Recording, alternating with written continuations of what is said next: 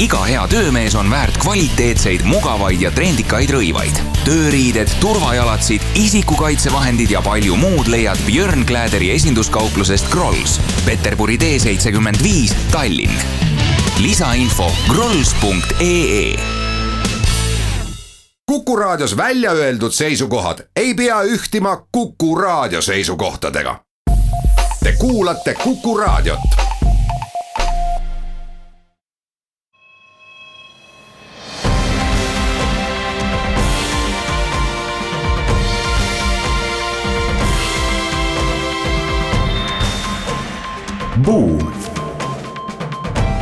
saadet toetavad Swedbank ja EBS, nähes ja luues võimalusi. Tere päevast, on kahekümne neljas oktoober, kell on saanud loetud minutid üksteist läbi, oleme taas eetris Buumi saatega, saatejuhid nagu ikka Anto Liivat ja Ott Pärna. tänase uudisteploki avame aruteluga selle üle, miks ärihiiud äh, Branson, Musk ja Bezos äh, jooksevad võidu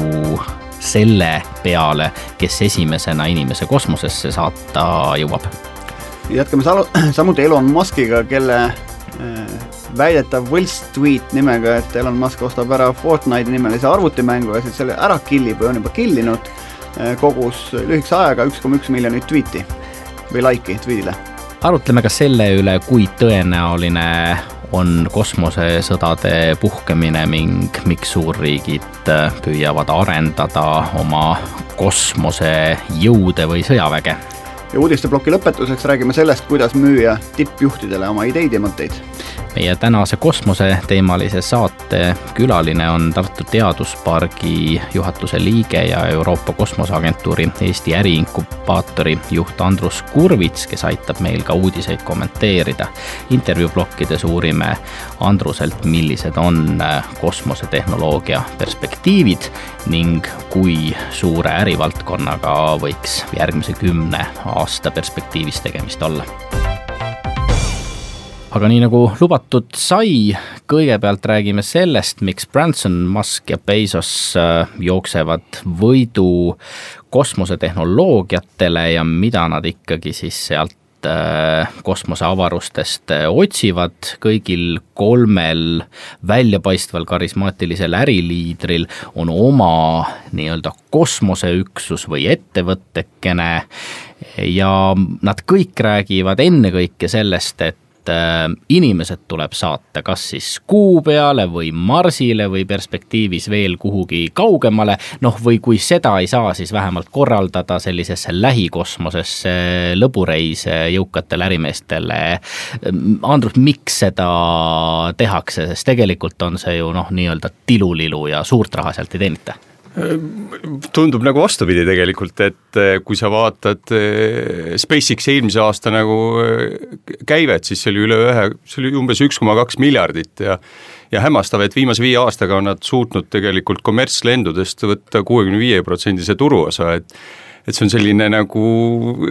suurepärased numbrid, kuigi nende kasumimarginaal on täna väga väike aga, aga noh, tegemist on ju alustava nii-öelda valdkonna ja äriga et.... no kõigil meestel tegelikult raha põleb nendes kosmoseärides, kui võib nii öelda, täna ereda leegiga ja vaadatakse väga selgelt äh, riigi ja riikide suunas või valitsuste suunas, et saaks sealt ikkagi raha peale, ennekõike on siis kaitsetööstuse initsiatiividega seotud. Jah, Bezose viimane siin nüüd info, mis tuli, et ta sõlmis äh, raketimootorite tarnelepingu ühe, ühe nii-öelda Islandsiga, kus siis hakatakse nagu tarnima raketimootoreid eh, umbes miljardi eh, dollari väärtuses. Ja noh, mulle tundub, et eh, nii, nii nagu Eesti juurtega riskikapitalist Steve Jürgenson on öeldud, et noh, aegade suurim nii-öelda startup saab olema kosmos, et me oleme nagu nii-öelda teise, teises nii-öelda kosmose võidujooksus, mida võiks nimetada New Space võidujooks no me siin loeme, et aastaks kaks tuhat nelikümmend on kosmosetööstuse maht üks triljon dollarit, mis on siis üks kuuekümnendik maailma SKP-st umbes. Äh, samas me teame seda, et esimene inimkäeliselt tehtud seadeldis jõudis kuu pinnale aastal viiskümmend üheksa, see oli venelaste äh, ristapuu ja siis kuuekümne üheksandal aasta kahekümnendal juulil äh, maandus siis Apollo üksteist, eks. no minu küsimus on see, et kas Apollot tegelikult ka sinna maandus, kui me nüüd täna nagu lähes viiskümmend aastat hiljem arutleme selle üle, et saaks ikka kuidagi selle mehe uuesti kuule. et ühelt poolt jah, me teame, et riikide investeeringud space, ühesõnaga see kosmosesõdade programm on nagu ära lõppenud ja riigid investeerivad vähem, ennekõike Ameerika Ühendriigid ja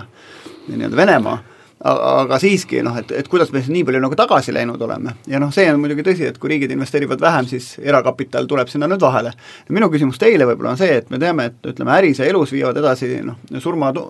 surma erim ja sugutung, eks. et mis asi siin prevaleerib, et kas ikka, ikkagi see kartus maailma lõpu ees või kosmosesõdade ees või siis ikkagi kolme mehe ego, kes siis üritavad nagu üksteist üle trumbata, igal mehel on siis taskus noh, üksjagu raha, et seda teha. kui sa küsisid, kas tegemist on äh, sugutungi või surmahirmuga, siis äh, Elon Musk'i peaks inspireerima või tagant äh, kannustama miski, mida võiks nimetada surmatungiks, sest ta on ju otsekoheselt välja öelnud, et tema tahab Marsil surra ja sellepärast on vaja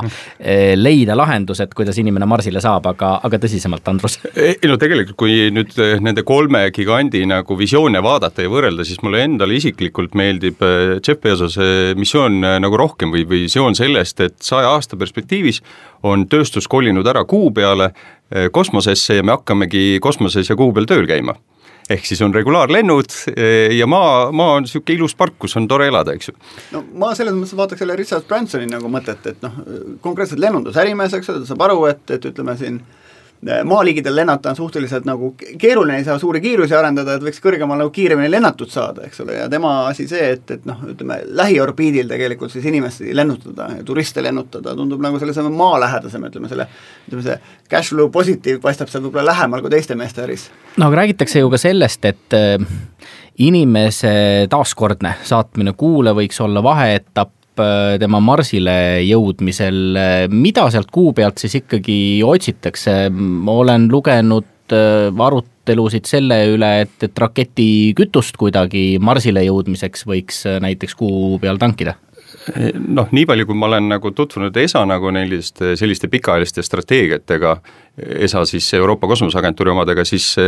plaan on aastaks kaks tuhat kolmkümmend viis luua nii-öelda Moon Village ehk siis Kuuküla, mis siis peaks asendama praegust neljasaja kilomeetri kõrgusel asuvat rahvusvahelist kosmosejaama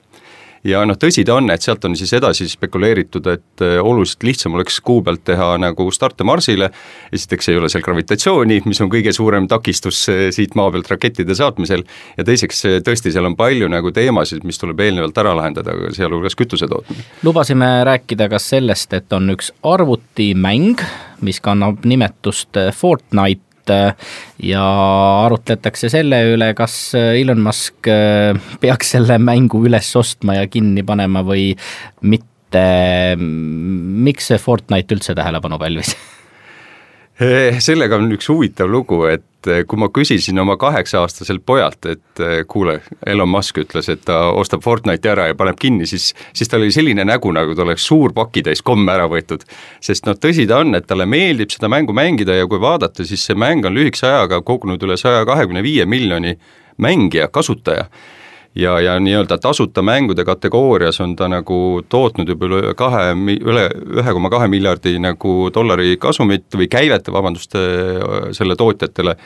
ja alles maikuus nad ületasid juba kolmesaja miljoni euro, miljoni dollari piiri kuus, nii et, et noh, hämmastavad numbrid no põhimõtteliselt on ta selline võitlemise ja tulistamise mäng, aga mis see Musk siia puutub? mitte ainult, et ta on, noh arvatakse, et see fenomen on just selles, et ta on nii tulistamise mäng kui ka ehitamise mäng, et need mängijad seal virtuaalkeskkonnas peavad koguma materjali, ehitama endale mingeid teid ja asju ja siis ka loomulikult tulistama aga noh, ma arvan, et Elon Musk'i põhi, kuna ta on ise mitme lapse isa, eks ju, siis ta näeb, kui palju aega lapsed sinna, sinna kulutavad. et võib-olla sellepärast aga kui palju üldse mängutööstus kosmosetööstusega seotud on või, või kokku puutub? Noh, seal need liitreaalsuse lahendused ja virtuaalreaalsuse lahendused on nagu asjad, mida nagu tehakse nii kahel põhjusel, ühel põhjusel nagu haridusliku eesmärgiga, et pane prillid ette ja pane kokku kuupsatelliit või teine lahendus, et igasugused nii-öelda äh, rahvusvahelisest kosmosejaamast väljaspool olevad missioonid või ka kosmosejaamas endas olevad missioonid, et täna astronaut peab õppima, ma ei tea, üle saja, saja viiekümne operatsiooni, mida ta peab oskama teha, aga tulevikus tõenäoliselt on võimalik siis maajaamast läbi liitrijalsusprillide juhtida tema tegevusi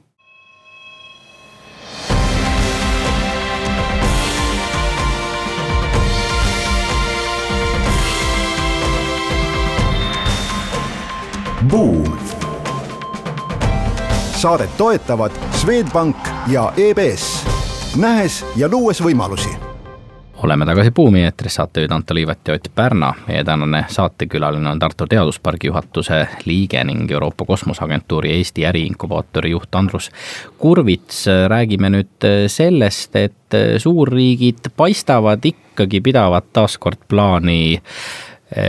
kosmosesõdade puhkemiseks, tingimuste loomise kohta, kui diplomaatiliselt korrektselt äh, väljendada. praktikas tähendab see seda, et äh, president Donald Trump näiteks on teinud kongressile ettepaneku leida kaheksa miljardit dollarit järgmiseks viieks aastaks selleks, et Ühendriikide satelliite kaitsta vist sisuliselt võib nii öelda jah, mitte ainult nagu satelliite kaitsta, võib-olla ka satelliite rünnata ja teine nagu eh, võib-olla kolmas, ütleme siis selline nagu aspekt selles eh, strateegias võiks olla see, et et kuidas siis mingit eh, kommunikatsioonisatelliiti nagu ära pimestada, jättes maa, maajõud nagu täitsa nagu pimedaks ja, ja ilma info, infokanaliteta. räägitakse sellest juba mõned aastad, et Pentagon võrrelduna Ameerika või võrrelduna Hiina või äh, Venemaa viimaste aastate kosmoseprogrammide ja investeeringutega ei suuda kindlustada Ühendriikide kosmoseobjektide turvalisust, kui tõsiseltvõetavad need äh, hirmud on? Oi jah, see läheb üle minu peade, aga kui ma vaatan, kui ma vaatan nüüd seda president Trumpi nagu Space Force'i viimast nagu sellist avaldust ja tegelikult eh, Vene Roskosmos on ammu juba selles valdkonnas tegutsenud, ütleme, ja hiinlaste kosmoseprogramm on kogu aeg seotud eh, sõjandusega ja nad minu teada on ka esimesed, kes on üritanud oma mingit ilmastikusatelliiti ülevalt alla tuua maapealse raketiga seda alla tulistades, siis, siis ma ütlen, et, et see varjatult on see minu, minu arvates kogu aeg toimunud, selline ettevalmistamine aita meil mõista veel, miks need satelliidid ikkagi nii äh, olulised on, et äh, riiklikud äh, kaitseinvesteeringud sellesse valdkonda kasvavad? Äh, need võimaldavad spioneerida, eks ju, et äh, satelliidid liiguvad orbiidil ja kui see satelliitide nagu hulk on piisav, siis on võimalik kogu aeg saada nii-öelda pidevat infot eh, maa peal toimuvate liikumiste kohta ja, ja, ja see on kasulik aga kui tõsiselt suhtuda ikkagi sellistesse kosmosevägedesse või, või mida need endast äh, kujutavad, noh tõesti seesama ka sinu mainitud äh, Space Force? Ma arvan, et tegemist on ikkagi nagu tehnoloogilise nagu terminiga, et me ma usun, et ei, ei mõelda nagu Star Warsi stiilis eh, valgeid sõdureid, kes siis laseripüstolitega ringi jooksevad, pigem ongi nagu suurte kosmoseobjektide kaitse ja vajadusel ka rünnajad. ma vaatan seda Donald Trumpi siis budget'it või eelarvet siis sellele asjale, mida ta siis tegemas on kosmosejõududele ja kui siin on näha, et et siin tervel real asjadel, kus tegelikult eelarvet tõmmatakse pigem maha, mis puudutab näiteks keskkonnaseiret või, või siis ilmas, ilmastikusatelliite, kogu, kõikvõimalike rakettide lansseerimise tehnoloogiat, ja platvormid, kust võetakse raha maha, hästi vähe tõuseb RD või siis teadus-arendustegevuse raha, aga mitte üldse palju äh,.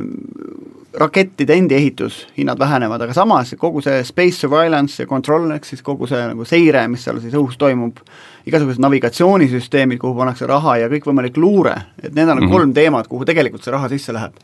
ja noh, seal on tõesti see võidujooks nagu kolme suure vahel, et, et ameeriklaste, venelaste ja, ja hiinlaste vahel, eks, ja, ja noh, seda enam, et noh, me teame, et enamus asju, mis maa peal liiguvad või kogu sõjatehnika on tegelikult ju juhitud ikkagi või paljuski juhitud satelliitide abil, eks, et, et siis ütleme seda maapealset logistikat nagu rikki ajada sellega, kui mõni satelliit alla õigel ajal lasta kuskilt, eks, et, et see on see põhjus, miks siis noh, sinna on mindud, üks asi, sa pead suutma endi, enda omasid kaitsta, aga teistpidi sa pead suutma ka teiste meeste omi siis alla lasta. noh, põhimõtteliselt pimedaks tege-, teha mingi ala, maa-ala täiesti nagu pimedaks teha, et ei oleks ka nagu kommunikatsiooni maajõudude vahel. India on andnud teada, et juba käesoleval aastal jõuavad nad äh, saata kosmosesondi Kuule, mida sellest arvate? Ei oskagi praegu kommenteerida, et tegelikult see X-Prize Lunari missioon oli samamoodi, et eh, kosmose, kuumissioonid nii-öelda, et minu teada on see need kõik ettevalmistamisel, kas seal on täpselt juba nagu lansseerimise kuupäevad paigas või mitte, seda ma praegu isegi ei oska kommenteerida. aga igal juhul võidujooks käib ja niikaua, kui maailma majanduses on eh, head ajad, eh, küllap jätkub ka valitsustel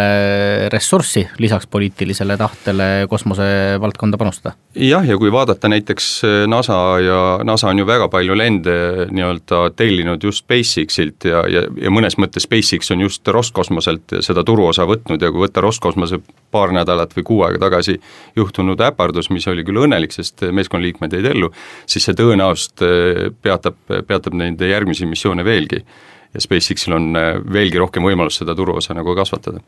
jõuame siia lõppu ühe kergema uudisega rääkida, Sabina Navas on Harvard Business Reviews äh, kirjutanud äh, sellest, kuidas tippjuhtidele oma mõtteid ning ideid presenteerida võib ju tunduda triviaalne, aga tõesti organisatsioonide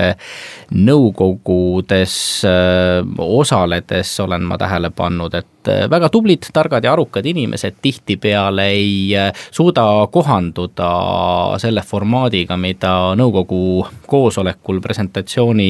tegemine endast kujutada võiks. Ja neli sellist lõksu toob Navas välja. räägitakse toredast ideest, aga see idee ei pruugi lahendada probleemi, ei tooda välja seda, kuidas lahendus äri kasvatab, räägitakse liiga palju, laskmata suudeta kuulajatel asjakohaseid küsimusi küsida ja lõpuks äh, ei suudeta andmetega tegelikult toestada oma plaane. lihtsad asjad jah, no sinna juurde tuleb panna see, et kindlasti on, on suhteliselt närvis see inimene, kes sinna läheb siis oma ideed presenteerima, tal on vähe aega, see seltskond üldiselt ei oska väga kuulata, eriti kui sa nõukogust räägid, võib-olla juhatuse liikmetega on lihtsam lugu natukene,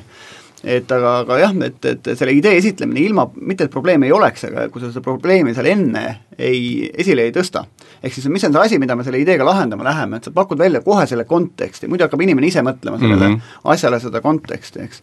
noh, see, mis puudutas seda, neid andmeid, siis soovitati mitte teha elementaarseid vigu, sest et kui sa teed vea sisse ja teine pool sellest aru saab, siis ta devalveerib, või siis sa devalveerid tegelikult kõik oma teised numbrid, asjad ära, sest et noh, võib ju küsida, et kas seal on ka vead sees aga kindlasti on see, et, et tegemist on ju lühiajalise vestlusega, kiirega, et sa pead suutma ikkagi see elevator pitch'i nagu ära teha ja spetsiifilisele sihtgrupile, antud juhul mitte investorile, vaid sa teed seda omaenda ettevõtte tegevjuhile. ja on. otsustajad peavad väga piiratud andmete põhjal nagu tegema otsuse, eks ju, ja, ja mis mulle tihtipeale nagu ma tunnetan nagu ära, kas see, kas see nagu ettepanek on läbimõeldud või mitte ja, ja ma saan nagu täiesti aru, et ei ole võimalik kõike nagu läbi mõelda ja ette prognoosida, aga, aga kui ei ole nagu tervikpilt ei ole läbi mõeldud, siis, siis, siis minu jaoks ei lenda. no kõik, kes meist on käinud tudengite ees, siis teavad ju seda hetke, kui tudengid nagu see connection ära kaob nendega või see link ära kaob, et siis sa pead nagu tagasi minema, hakkama nende käest midagi küsima, et saada mm -hmm. ühendus uuesti ülesse. ega sama lugu on ka selliste presentatsioonidega, et sa näed ju, kui kuulaja tegelikult see asi hakkab tema kõrvast mööda minema, aga sul on veel kolm slaidi rääkida, on ju. et noh, las need kolm slaidi jääda, püüa see connection nagu tagasi saada. kusjuures mul on ükskord oma karjääris Hansapanga olnud see kogemus, kus ma käisin juhtkonnale presenteerimas uut hinnastamismudelit, mul oli noh, võimalikult lühike neli lehekülge, eks ju, arvutused, asjad, mahud, ja, ja kõik noogutasid ja aga, aga otsust ei tulnud, sellepärast et nad ei tahtnud otsustada, midagi oli puudu. ja, ja mul oli tunne, et mind saadetakse nagu tagasi, et tule, tule mõne aja pärast uuesti ja siis ma hakkasin küsima, et aga noh, et võtame nagu jupikaupa, et kas, millest te täpsemalt aru ei saa. ja kui me nagu olime need olulised jupid läbi käinud, siis tuli ka tegelikult otsus ära, et lihtsalt noh, et see kokkuviimine oli puudu, et nende otsuste vahel.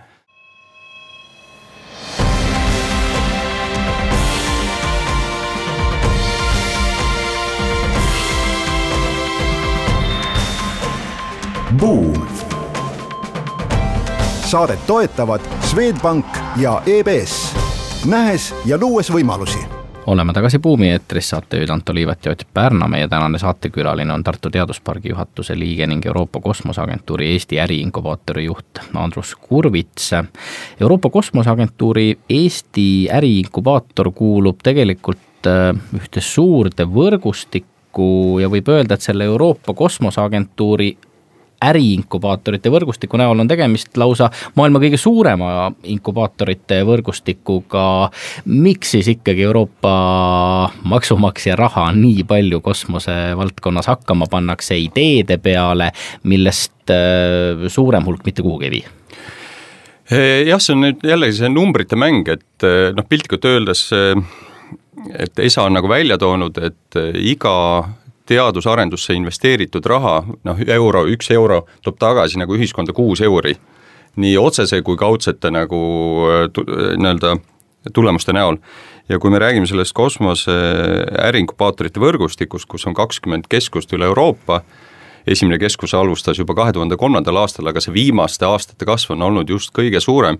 Eesti avas uksed eelmisel aastal, kuna selle eelduseks oli see, et Eesti saab Euroopa Kosmoseagentuuri täisliikmeks, mis juhtus kolm aastat tagasi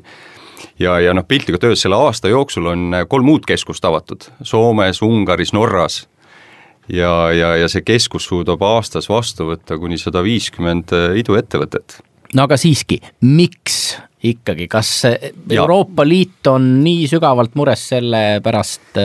mida Ühendriigid, Venemaa, Hiina ees teevad nüüd järjest rohkem ka, ka India, et me püüame selles võidujooksus kuidagi ree peal püsida? Jah, siin on nagu kaks aspekti, üks asi on see New Space'i initsiatiiv, et mitte seda ära kaotada Euroopas, mis on Ameerikas ilmselgelt olemas ja väga tugev, ja teine on see, et tegelikult need ettevõtted loovad uusi töökohti,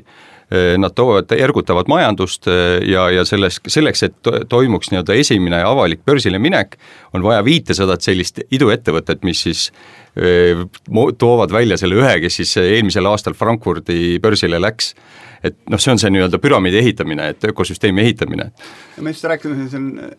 Donald Trumpi mõttest kogu oma selle nagu kosmosevägede teemadele, eks ole, et ühelt poolt on see nagu suurte riikide suur õigus siis ütleme, mängida seal kosmoses, ütleme, teemadega, mis puudutavad siin tuumarelvade juhtimist ja muud sellist, on ju. et kas siis Euroopas ollakse kokku leppinud, et Ladna, et las siis rahvas nagu lahendab asju, on ju, et, et et kui palju ikkagi on noh, see realistlik, et tegelikult sellised keerulised äh, ohtlikud süsteemid on tegelikult suuresti startup'ide juhtida ja ja kui palju nad peaksid või võiksid ikkagi riikide kontrolli all olla? Noh, võtame kõige lihtsamad asjad, et kosmoseandmed, eks ju, äh, satelliitnavigatsioon, mis on meie igapäevases kasutuses Google, Google Maps'i näol või, või, või või, või võtame siis näiteks kaugseire andmed, kus on ka nagu Tartus, tähendab, Eestis on esimesed startup'id, kes selles valdkonnas teevad lahendusi Teie saates on ka käinud Taatel minu arvates, kes kunagi või, või kes on välja arendanud sildade monitoorimise lahenduse, meie port-, portfellis on ettevõte Kapatseta, kes teeb rohumaade seiret PRIA-le, et see sildade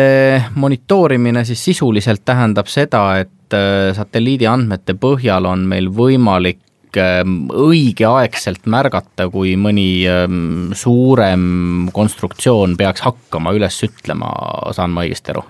Täpselt nii jah, et samamoodi nagu Kapatseta teeb rohumaade seiret, et on võimalik satelliitandmete põhjal öelda, kas see rohumaa on niidetud või mitte ja sellest tulenevalt siis PRIA maksab toetust farmeritele. aga ma mõtlen just selles kontekstis, kui näiteks mingi Araabide naftafond otsustab, et tead, et me ostame nüüd selle SpaceXi ja need kaksteist kosmosetehnoloogia ettevõtet ka ära, on ju et, et ja kui näiteks Ameerika Ühendriigid ongi oma nagu nii-öelda loobunud oma lansseerimissüsteemide arendamisest ja, ja siis nad kaotavad, pole neil noh, täna nad juba rendivad enamasti rakette, et üles lennata, on ju, et et, et kuidagi suur riik võib ühtäkki jube saamatuks saada, kui ta, kui on nagu noh, vabal turul nii-öelda need ettevõtted kaubeldavad, kelle, kellel on tegelikult suhteliselt noh, kui mitte päris monopoolne seis, on ju, asjade kosmosesse lennutamisel, siis suhteliselt selline oligopoolne või selline no mulle tundub, et seal tuleb jälle seda nagu innovatsioonipüramiidi sellest vaadata, et ikkagi kõik saab hakka, saab alguse teadlastest, eks ju, et, et ja, ja kosmosemissioonidest, mis, mis on nagu, valmistatakse viis-kümme aastat ette, kõige suurem, suuremapärasem missioon, mis mulle praegu kohe pähe hüppab, on see Rosetta missioon, esimene maandumine asteroidil. Et noh, et, et selleks, et, et see missioon saaks võimalikuks, tuleb tohutult palju teadust teha. Ja nüüd see teaduse äh, tehnoloogia siire on võimalik siis maapealsetesse rakendusse ja, ja, ja sellest saame nüüd siis kõik kasu.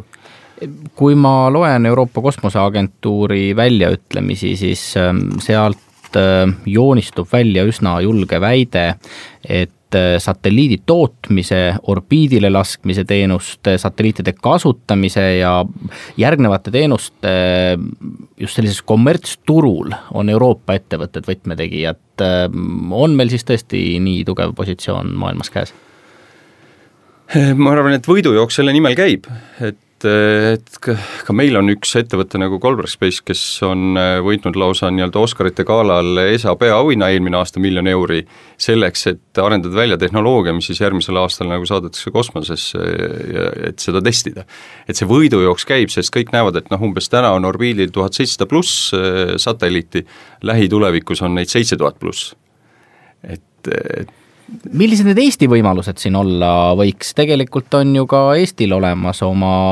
kosmosestrateegia. Jah, täpselt nii, mis on väga sarnane ka Soome kosmosestrateegiaga. Ja, ja noh, tegelikult kas see võib olla nüüd seotud sellega, et tegelikult üks ähm, eestlasest professor on Aalto ülikoolis ka selle valdkonna kureerija? jaa, eest-, professor Jaan Praks, jaa, ta või, või ei oska öelda, kas see nüüd omavahel päriselt seotud on aga noh, kindlasti meil on nagu ühiseid jooni palju ja, ja, ja, ja, ja soomlased on nagu nende nagu satelliitide programm ikkagi nagu toimib ja, ja seda arendatakse edasi. Ja ka Eestis on olemas ju S-Cube kaks, on TalTechi tudengisatelliidi programm olemas, mis järgmisel aastal peaks üles minema, et et mulle nagu meeld-, mul, kui me näiteks vaatame neid kuute iduettevõtteid, kes on ko-, Eesti kosmoseäringupaatoris praegu sees, siis kolmel neil on S-Cube'i taust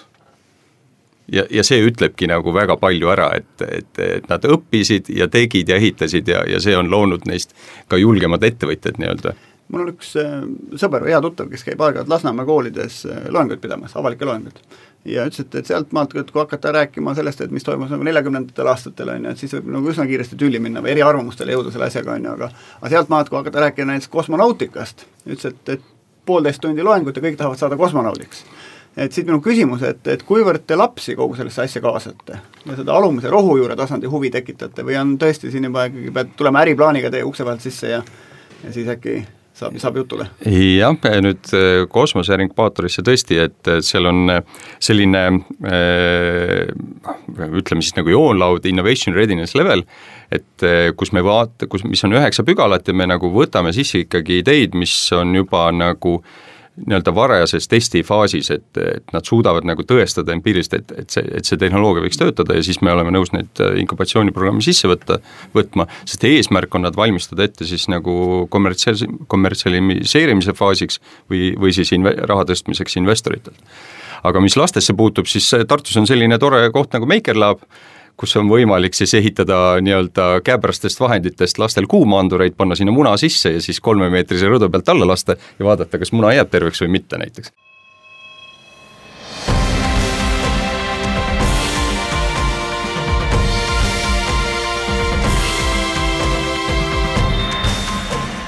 Buum.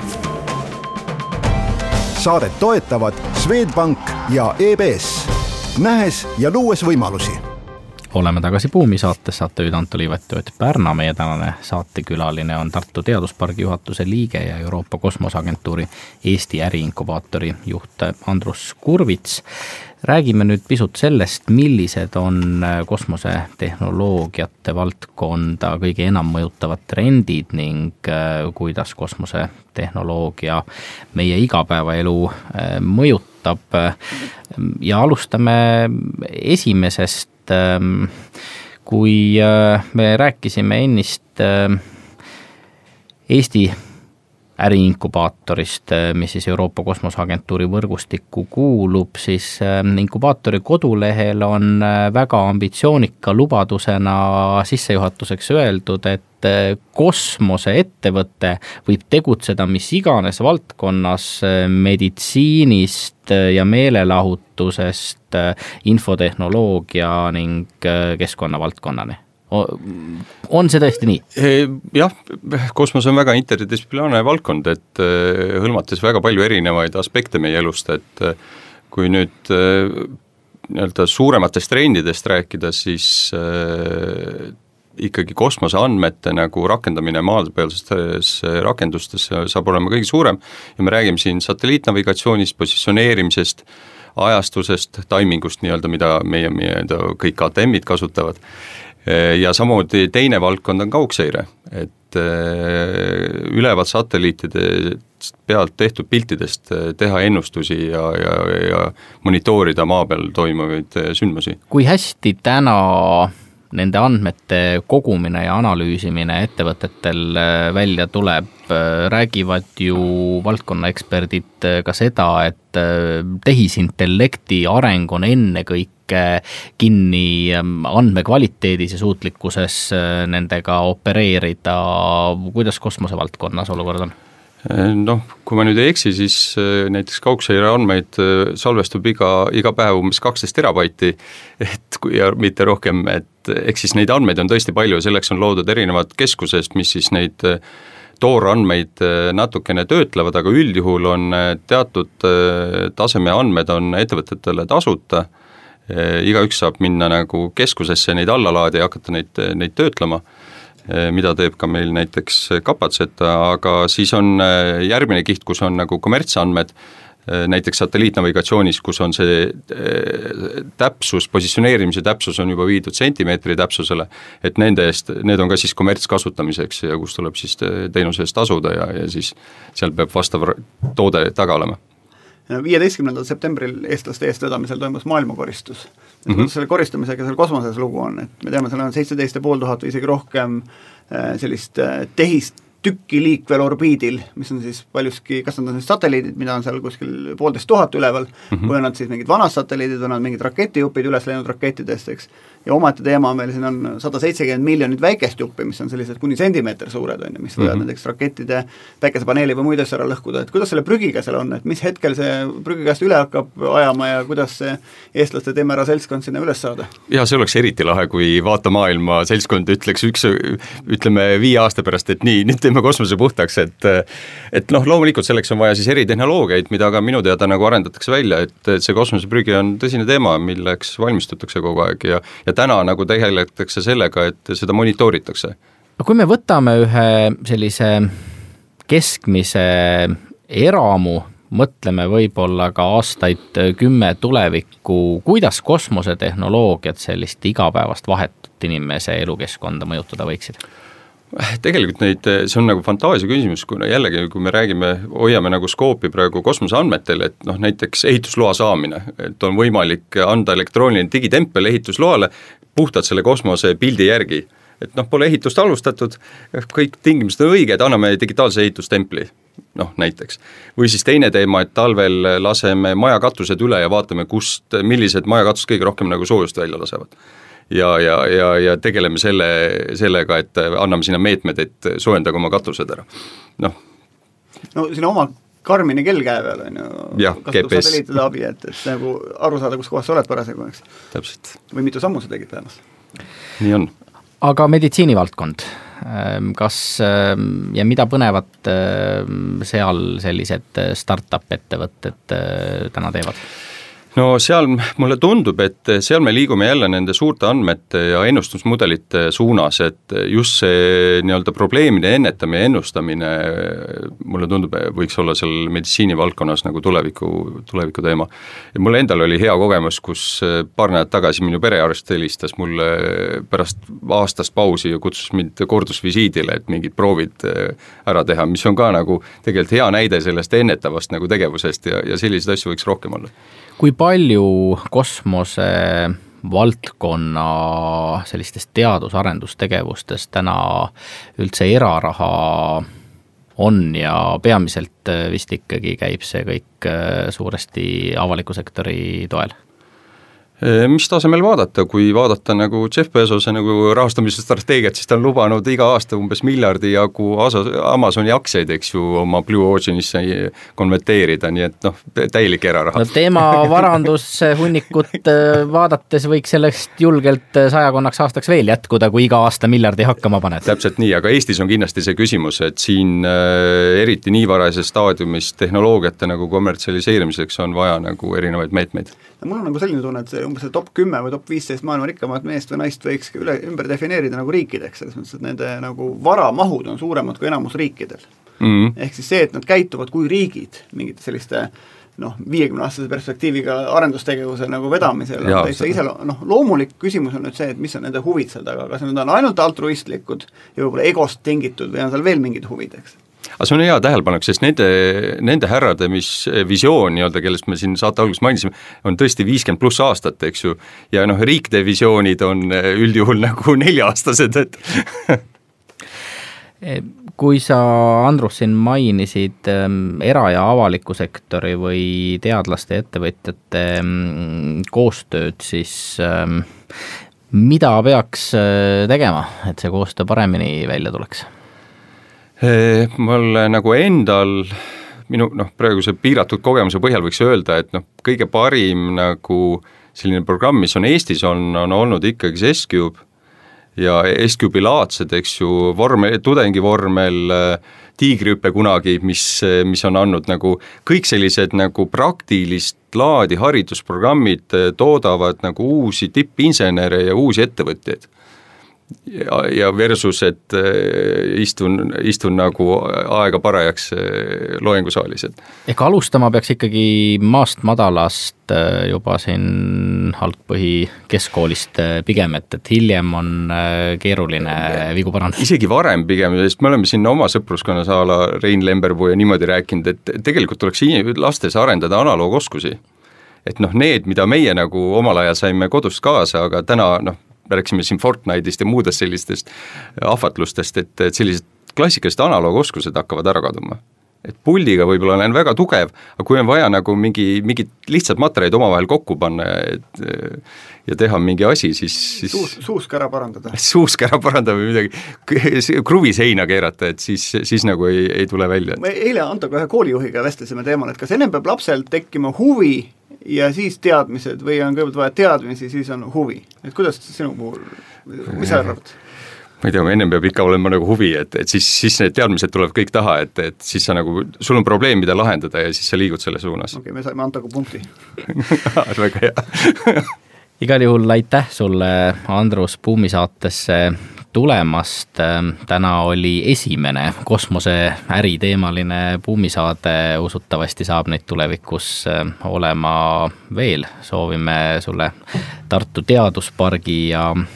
Euroopa Kosmoseagentuuri Eesti äriinkubaatori vedamisel palju edu tuult tiibadesse ning loodame õige pea kuulda ka eestlaste edulugudest äh, kosmosevaldkonnas. seniks aga kuulmiseni ja Buumiga oleme eetris täpselt nädala pärast